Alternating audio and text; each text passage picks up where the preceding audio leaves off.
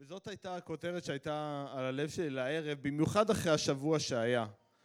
כי שמעתי את המילה הזאת שם בטיפול נמרץ, נכנסתי, יצאתי שם, כאילו זה היה כמו, כמו טיילת בטיפול נמרץ, מי שמכיר טיפול נמרץ מותר להיות שם רק חצי שעה, פעמיים ביום, אבל היינו, נכנסנו, יצאנו כל הזמן, ויש מילה שחזרה על עצמה, איזה בזבוז.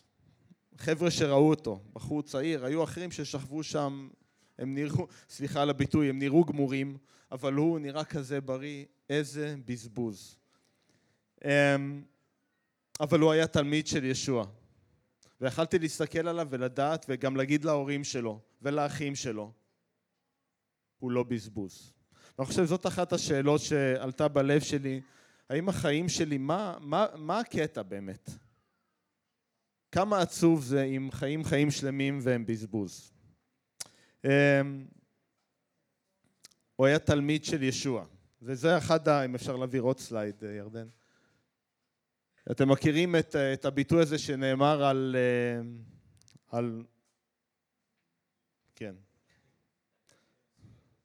על מרים שהיא ישבה לרגלי האדון ושמע את דברו.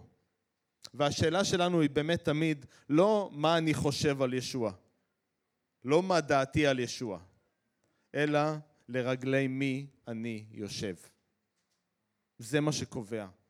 זה מה שקובע כל דבר חשוב לגבי החיים שלי. זה מה שקובע בין אם אני בריא או אם אני חולה, בין אם אני עשיר או עני. לא משנה מה, זה מה שקובע. למי אני נכנע, את מי אני מהלל, את מי אני משבח, למי אני מקשיב, לדברי מי המשקל הכי כבד בחיים שלי. כמו שכתוב הלאה באותו פסוק ישוע אמר, אפשר להעביר? רק דבר אחד צריך. דבר אחד צריך. מרים בחרה בחלק הטוב אשר לא יילקח ממנה. וזה מה שחשבתי כשהסתכלתי על הבחור הזה. הוא בחר בחלק הטוב. ויש דבר אחד, חלק אחד בחיים שהוא באמת טוב ורק טוב. יש רק דבר אחד בחיים ששום כוח בעולם, שום כוח בעולם, לא משנה מה הנסיבות, לא משנה מה, לא ייקח. להיות תלמיד של ישוע. וכשאנחנו מכירים את הסיפור הזה של מרתה ומרים ו, ואנחנו יודעים שלמעשה מדובר על סדר העדיפויות שלנו בחיים. השאלה היא אף פעם לא אם משהו חשוב או לא חשוב, אלא כמה הוא חשוב. השאלה לא אם ישוע, אני נמצא בקהילה משיחית, זה, נו ברור, זה כזה, זה ה-obvious מה שנקרא בעברית טובה. לא מה חשוב, השאלה כמה הוא חשוב בחיים שלי. השאלה לא מי חשוב, אלא מי הכי חשוב בחיים שלי. אלוהים לא רוצה להיות סתם חשוב. בואו בוא נוציא את הקונספט הזה מה, מה, מהגולגולת שלנו, מה שיש בפנים שם. מקווה, אוקיי? אלוהים לא רוצה להיות סתם חשוב. הוא רוצה להיות החשוב. יש אה, פסוק שכולכם מכירים, בואו נעבור על ירדן. עוד אחד. בדברים פרק ו', פסוק חמש, אתם מכירים את זה. ואהבת את אדוני אלוהיך. איזה, איזה יפה. נכון? איזה אתגר זה? אבל אתם יודעים שהאתגר פה הוא לא בקטע של ואהבת את אדוני אלוהיך. מתי, מה הבעיה שלנו? הבעיה שלנו היא מילה אחת שמופיעה שם שלוש פעמים. זאת הבעיה שלנו. ואהבת את אדוני אלוהיך בכל לבבך, בכל נפשך ובכל מאודיך. זאת הבעיה שלנו. זה האתגר שלנו. נכון? זה העניין. אלוהים לא רוצה להיות סתם חשוב, הוא רוצה להיות הכי חשוב. אה, הקטע שאני רוצה שנביט עליו בכתובים, הבוקר? זה לא בוקר, איפה אנחנו? אה, כן, זה מהאיגרת אל הפיליפים פרק ג', אולי תעברו בתנכים שלכם. רוצים לדעת איך אני יורד על האנשים בקהילה אצלנו? אני סיפרתי ליונתן איך אני יורד עליהם. בואו נפתח תנכים, כל, ה, כל האלה שהם קצת איטיים וקשה להם, אלה שמכירים את התנ"ך והברית החדשה בעל פה לא צריכים תנ"ך, זה בסדר. אלה שהם כאלה מאוד איטיים ופשוטים כמוני, שצריכים לקרוא ולסמן. סתם לרדת עליכם קצת. מה אכפת לי, אני לא... אני נהנה ללמד בקהילות אחרות, כי אני יכול להגיד מה שאני רוצה ויאללה ביי, לא אכפת לי, תסתבכו שאחרים יסתבכו. בפיליפים פרק ג', האיגרת אל הפיליפים פרק ג', מפסוק 7 עד 10, מילים יחסית ידועות של השליח שאול, והוא אומר, אבל הדברים שהיו יתרון בעיניי, באמת, חשבתי על הקטע הזה של יתרון וכל זה, כששמעתי את המילה הזאת על ידי אנשים שראו את הבחור הזה בטיפול נמרץ והשתמשו במילה בזבוז. חבל. איזה בזבוז. שימו לב מה שאול אומר. אבל הדברים שהיו יתרון בעיניי, אותם חשבתי להפסד בגלל המשיח. ולא עוד, אלא שאני חושב את הכל להפסד בגלל היתרון לדעת את המשיח ישוע אדוני. אשר למענו הפסדתי את כל הדברים ואני חושבם לפסולת בשאיפתי להרוויח את המשיח ולהימצא בו. באופן שצדקתי לא תהיה לי מן התורה, אלא תהיה זו הצדקה אשר על ידי אמונת המשיח, צדקה אשר מאלוהים היא, ויסודה באמונה. כדי לדעת אותו ואת כוח תחייתו ואת השותפות בייסוריו ולהידמות לו במותו בתקווה, בתקווה שאגיע לתחייה מן המתים. חבר'ה, שאול השליח, אפשר להגיד עליו הרבה דברים, פראייר הוא לא היה. הוא יודע על מה מדבר. הוא יודע מה זה להיות בטוח בעצמו. הוא יודע מה זה להיות בטוח בהישגים שלו. אתם יודעים, יש, אנחנו תמיד מוקפים באנשים כאלה שיש להם הרבה ביטחון, ביטחון עצמי די חזק, מאוד בטוחים בעצמם, ובדרך כלל על מה זה מבוסס? על כסף, על השכלה, אולי אפילו על יופי חיצוני, על כוח, כל מיני דברים כאלה. יש כאלה שיש להם ביטחון עצמי מופרז כי הם סתם טיפשים, זה גם יכול להיות. גם כאלה, מה אני אגיד לכם, פגשתי כאלה, לא הבנתי מאיפה הביטחון, כאילו, לא משנה, אוקיי? אבל, אבל אנחנו גם מוקפים באנשים שממש אין להם ביטחון, מרגישים שאין להם ערך. חיים בפחד, חיים בבושה, חיים בכל הזמן בהרגשה שהם לא מספיק טובים. חושבים שהם כישלון אחד גדול. אתם יודעים, מחקרים מראים ש-80 אחוז, 80 אחוז מבני העשרה לא מרוצים מעצמם ומאיך שהם נראים. 80 אחוז. צריך לחפש את אלה שאומרים, בסדר, אני מרוצה. צריך לחפש אותם, כי הרוב ממש לא שם. ואז שאול מונה פה בקטע שלנו כמה דברים שהיו יתרון בעיניו ובעיני הסובבים אותו. דברים שנתנו לו ביטחון, דברים שביססו את הערך שלו, דברים שביססו את הזהות שלו. שהוא יכל להצביע על הדברים האלה ולהגיד, וואלה, אני לא פראייר, וואלה, אני שווה משהו. בואו נסתכל על הדברים האלה זריז. קודם כל, היה יתרון אחד, היה לו יתרון וביטחון שהוא קיבל מלידה. הוא לא עושה הרבה, פשוט הוא נולד במקום הנכון, בזמן הנכון, גדל נכון. נימלתי, פסוקים חמש ושש, נימלתי בהיותי בן שמונת ימים, ממוצא ישראל אנוכי, משבט בנימין, עברי מן העברים. נולדתי במקום הנכון, לעם הנכון, ואחלה התחלה. מה עוד אפשר לבקש? איזה יופי. אבל מה האמת? מה האמת שגם שאול גילה? שהרקע המשפחתי, המעמד החברתי, כל סימן חיצוני, הוא מדבר על נימלתי, וכל טקס יפה, לא משפיעים על אלוהים. זה פשוט לא עובד עליו.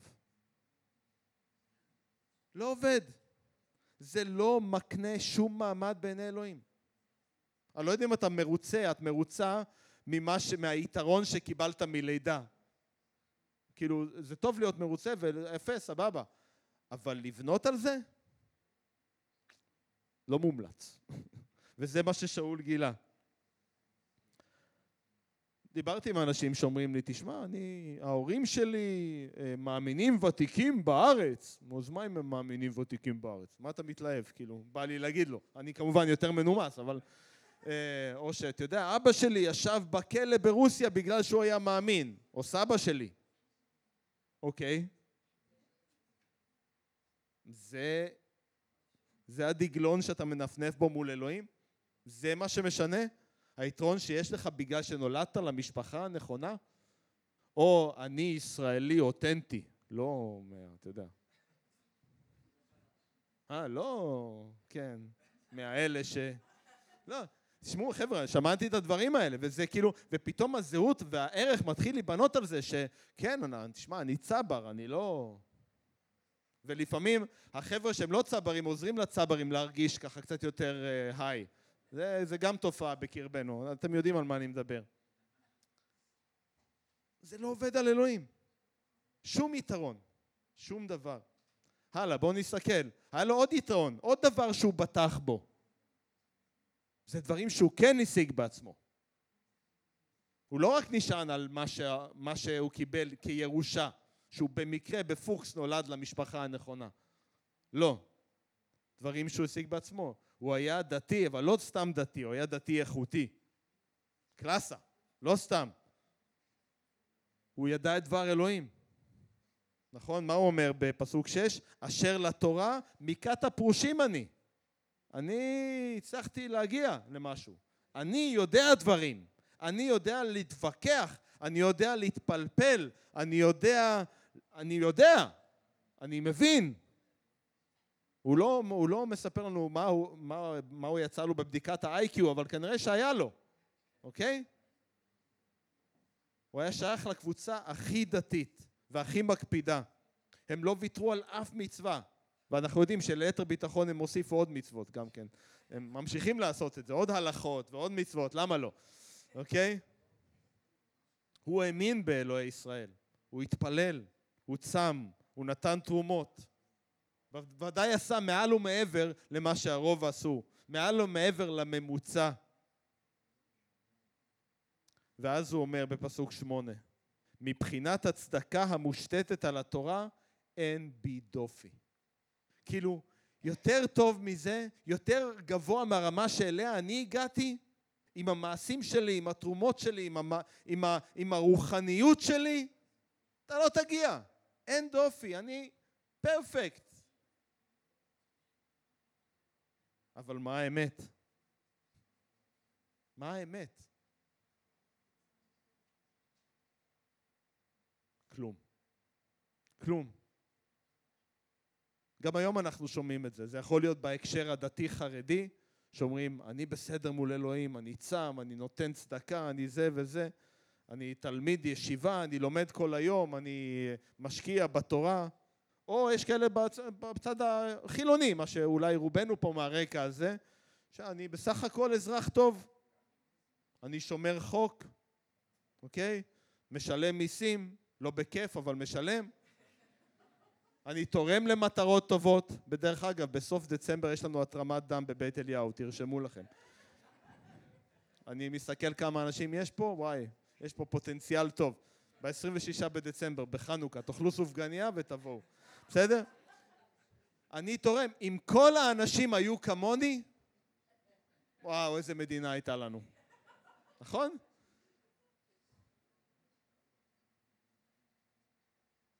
יש את אלה שאומרים, אני לומד תורה, וככה אני משרת את המדינה ומגן עליה.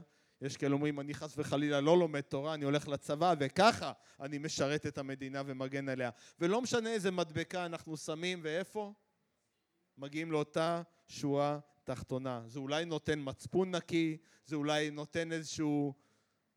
זה רק השוואה עם אנשים אחרים, אבל מול אלוהים, באמת, כלום. עוד משהו מעניין על שאול, שהוא לא רק, הוא ראה את זה כיתרון וביטחון שהוא קיבל מלידה וגם השיג בעצמו, הוא גם היה אמיתי, הוא באמת הלך על זה מכל הלב, הוא היה כן בהליכה שלו, הוא היה כן במה שהוא עשה, הוא לא עשה הצגות, אוקיי? הוא ממש האמין מכל הלב שהוא עושה את מה שהוא עושה, וזה נכון, כך אומר פסוק 6, אשר לקנאות רודף הקהילה אני, הייתי קנאי לזה. זה לא כי מישהו הכריח אותי, כי באמת הייתי משוכנע שאני עובד את אלוהים, באמת משוכנע שאני בסדר. אף אחד לא יכל לשים סימן שאלה לגבי כמה הוא היה רציני. הבחור היה רציני לגמרי, זו לא הצגה. אבל מה האמת? אתם יודעים מה? זה לא באמת משנה כמה אתה רציני וכמה אתה אמיתי באמונה שלך. דרך אגב, לא קיים כזה, אנחנו משתמשים במונח מאמינים, אנחנו מאמינים פה, נכון? דרך אגב, לא קיים יצור כזה בעולם שהוא לא מאמין. כולם מאמינים. הבן אדם הכי סופר אתאיסטי מאמין, ועוד איך הוא מאמין. כולם מאמינים. אז זה שאני מאמין בכנות ומכל הלב, ואני לא עושה הצגה, זה לא עושה את זה נכון. זה לא עושה את זה מרשים בעיני אלוהים. יש כאלה אומרים, לא משנה מה אתה מאמין, העיקר שאתה רציני ואתה כן ואתה אמיתי. לא חבר'ה, זה כן משנה מה אתה מאמין. סליחה. ישו אמר, המאמין בי ייוושע. סליחה. אין פה, זה לא עושה רושם על אלוהים, הכנות שלנו. הכנות הזאת, שאנחנו עושים דברים מכל הלב. ואז באה המילה אבל. כל היתרונות שהוא חשב.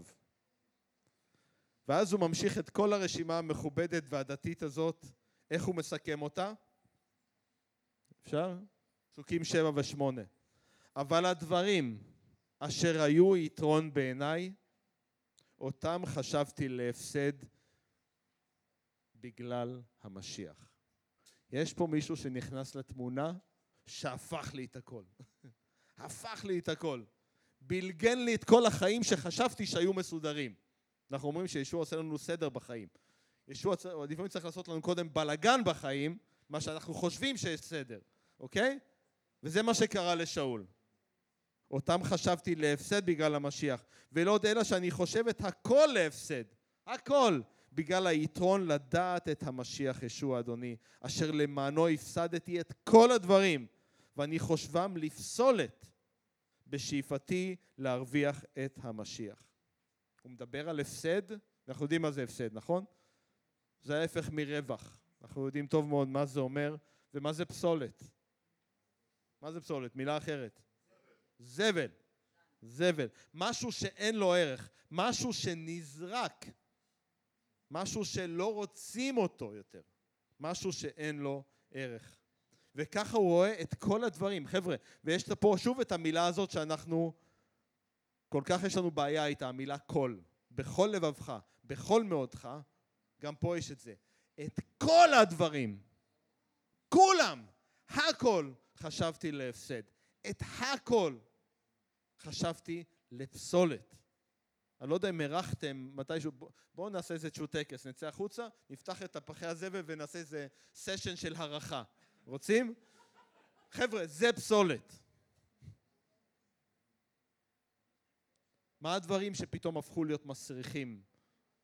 הדברים הטובים האלה, שהיו כל כך מדהימים, כל כך מרשימים, בין אם הוא קיבל אותם מלידה בירושה, בין אם הוא עבד קשה כדי להשיג אותם, בין אם הוא היה קנאי כדי ללכת אחר, עליהם, הכל הפך להיות פסולת, חסר ערך, שווה אפס. זה, זה קיצוני, לא? אני חושב שזה מאוד מאוד קיצוני. אנחנו יכולים להגיד, היי, שאול, תירגע קצת. בסדר, מה? לא, כן, זה קיצוני. כן, זה עניין של חיים ומוות. למה? כי יש מישהו יותר גדול ששינה את התמונה. יש מישהו יותר חזק. יש מישהו שיש לו כוח שמנטרל כל כוח אחר. יש מישהו שנגדו אין שום כוח שיכול לעמוד. ויש לו שם. ישוע המשיח. ישוע המשיח.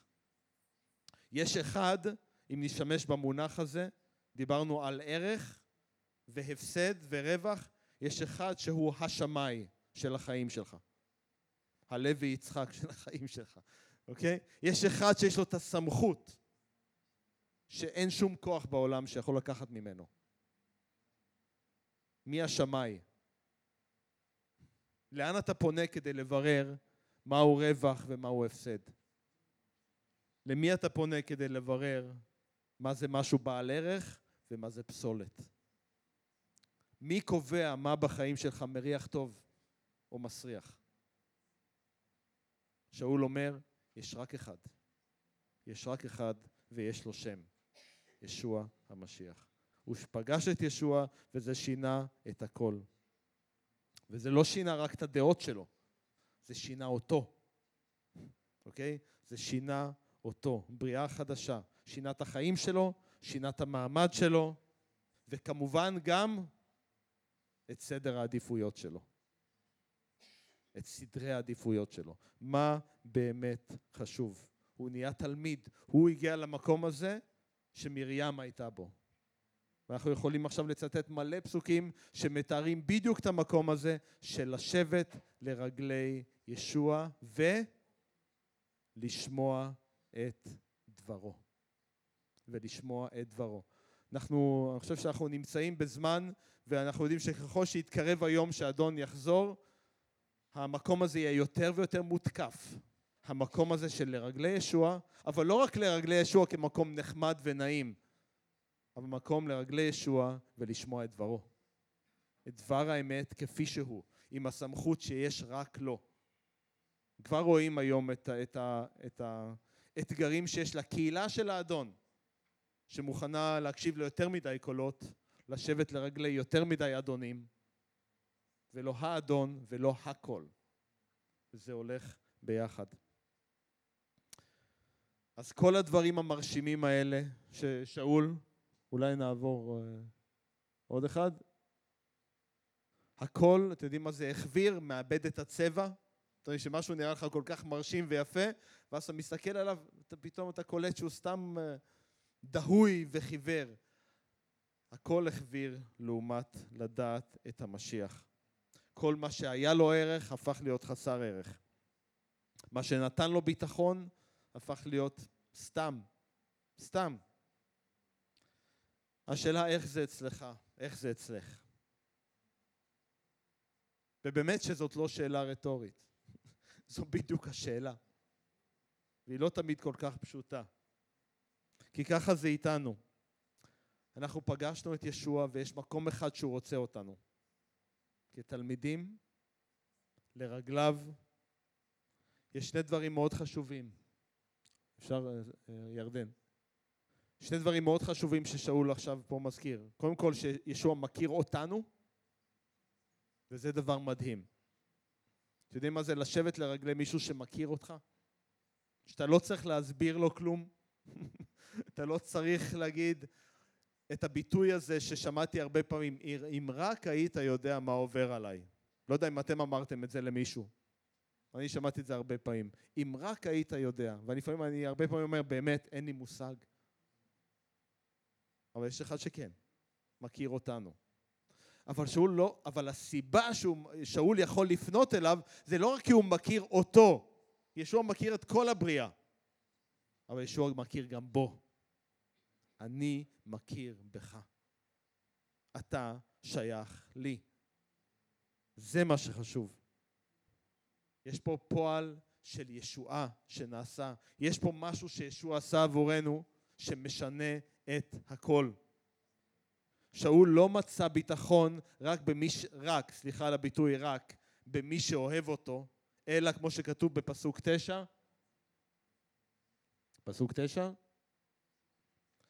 הוא מדבר על הצדקה אשר על ידי אמונת המשיח, צדקה אשר מאלוהים היא ויסודה באמונה. יש פה עניין של מעמד, מעמד משפטי אפשר אפילו להגיד. או שאתה מוצדק או שאתה לא מוצדק. והוא יודע, הוא יודע שהוא בסדר עם אלוהים. הוא יודע שהוא מסודר מול אלוהים הקדוש, קדוש, קדוש, אדוני צבאות. אותו אלוהים שישעיה, כשהוא קלט עד כמה אלוהים קדוש, מה ישעיה אמר? שתי מילים בעברית? אוי לי. איך, איך ביידיש? אוי ויי. מאוד חשוב. שלא נהפוך ליותר מדי מזרחיים פה. אותו אלוהים. שאול לא היה צריך רק איזה, איזה ליטוף כזה, שאול חמודי, אני אוהב אותך. הוא היה צריך הצדקה. הוא היה צריך מישהו שישלם את המחיר. ועל זה הוא בונה. מהו יתרון, מהו הפסד, מהו רווח. על זה הוא בונה את זה, זה לא תלוי ברגשות שלו. גם אתה עכשיו, אתה יושב פה עם כל היתרון שיש בעולם ועם כל הרווח שיש בישוע. כי זה בישוע, זה לא כי אתה מרגיש משהו.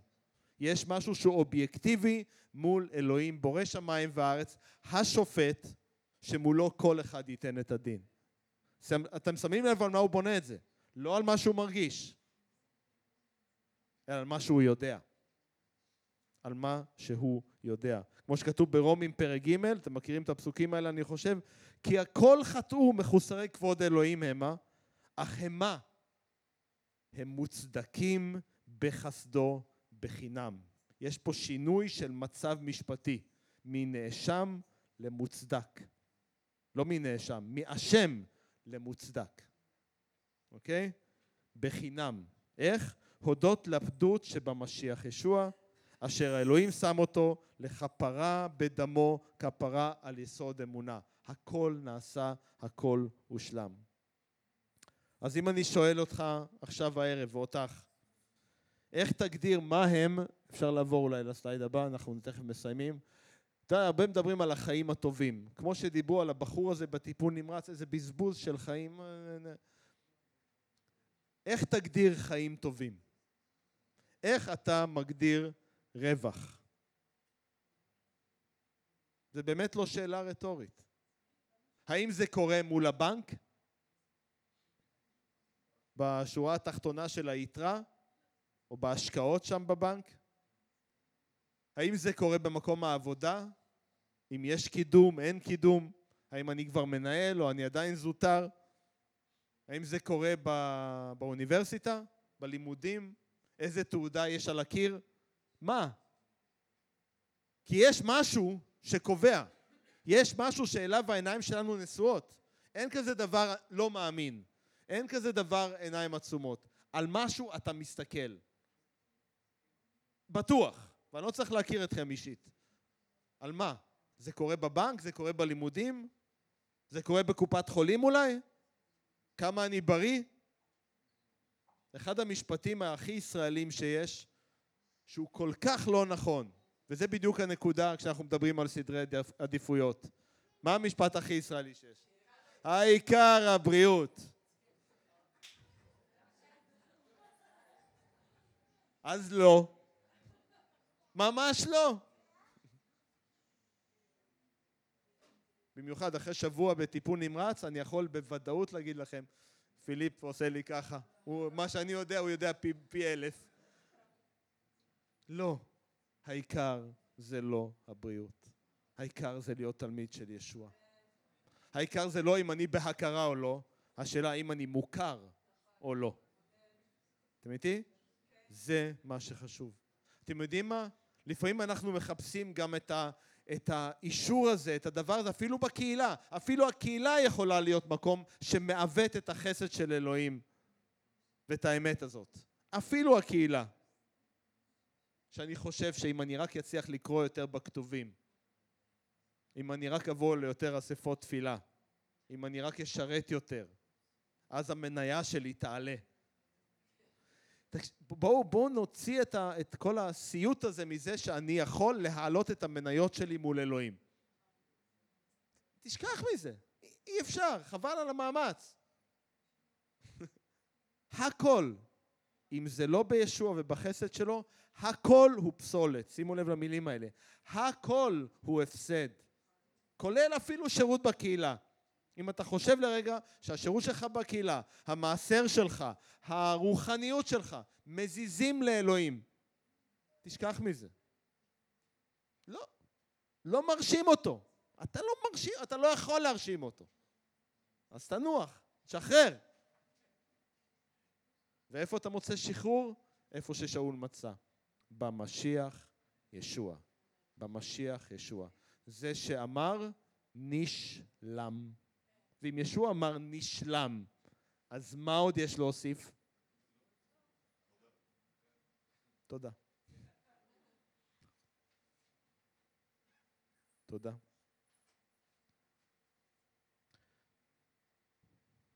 בואו נעבור. ולפעמים אנחנו, אתם יודעים מה, אני אשאל את זה ככה. שאלנו, מה הם עבורך החיים הטובים, מה זה רווח? נשאל ככה, מה אתה מאחל לעצמך עכשיו? אני ארשה לך, לך, להיות אגואיסטית לרגע. לא לחשוב על מישהו אחר. מה אתה מאחל לעצמך? כי זה גם יקבע איך אתה תתנהל מה יהיו סדרי העדיפויות? מה אתה מאחל לעצמך? אני מקווה מאוד שזה דבר אחד, למצוא את המקום הזה לרגלי ישוע ושומע את דברו. ומה שמעניין, תסתכלו על השורה השלישית שם. תחזור רוורס, ירדן. השורה השלישית. זה מעניין. הוא מדבר על שני דברים, לרגלי ישוע ולשמוע את דברו, נכון? ישוע, זה מה שישוע אמר למרים, אבל איך הוא מגדיר את זה? כדבר אחד. איזה יופי, שמתם לב? דבר אחד צריך, לא רצוי, לא כדאי, לא מומלץ. דבר אחד צריך, וזה הדבר הטוב. והדבר הזה הוא שני דברים שהם דבר אחד. זה לשבת לרגלי ישוע, זה לדעת אותו באופן אישי, זה לא להיות חלק מכת כזאת מוזרה שמתאספת בבית ידידיה. ככה, ככה מסתכלים עלינו, נכון? זה לא קטע של להיות חלק מהתארגנות דתית או משהו כזה, זה לדעת את המשיח באופן אישי, וזה לא יכול להיות מנותק ממה? לשמוע את דברו. לשמוע את דברו. אני, אני יודע שזאת אחת הקהילות, ואני, וזה לא, תבינו חבר'ה, זה לא מובן מאליו, שבו דבר אלוהים הוא מרכזי. דבר אלוהים שוכן בשפע. תודו לאלוהים על זה, ותדאגו שזה יישאר ככה. אוקיי? תדאגו שזה יישאר מקום שבו אתם באים כל שבת, ובאמצע השבוע, אה? אה? כדי לשבת לרגלי האדון ולשמוע את דברו. זה הדבר שצריך והחלק הטוב. אפשר להעביר עוד, יש פשוט אחד, אחד המשפטים הכי אהובים עליי במזמור תהילים ע"ג, ואני קרבת אלוהים לי טוב. זה מה שטוב לי. לא הטוב שעולם הפרסומות מגדיר לי, לא הטוב שההורים שלי מצפים ממני, לא הטוב שאני, המשקל שאני שם על עצמי, לא כל הדברים האחרים. יש דבר אחד שהוא טוב, וזה קרוב לאדוני. אז בואו שים את ה... בואו נשאיר את זה על המסך רגע, עוד, תוריד עוד, תוריד עוד. תוסיף עוד.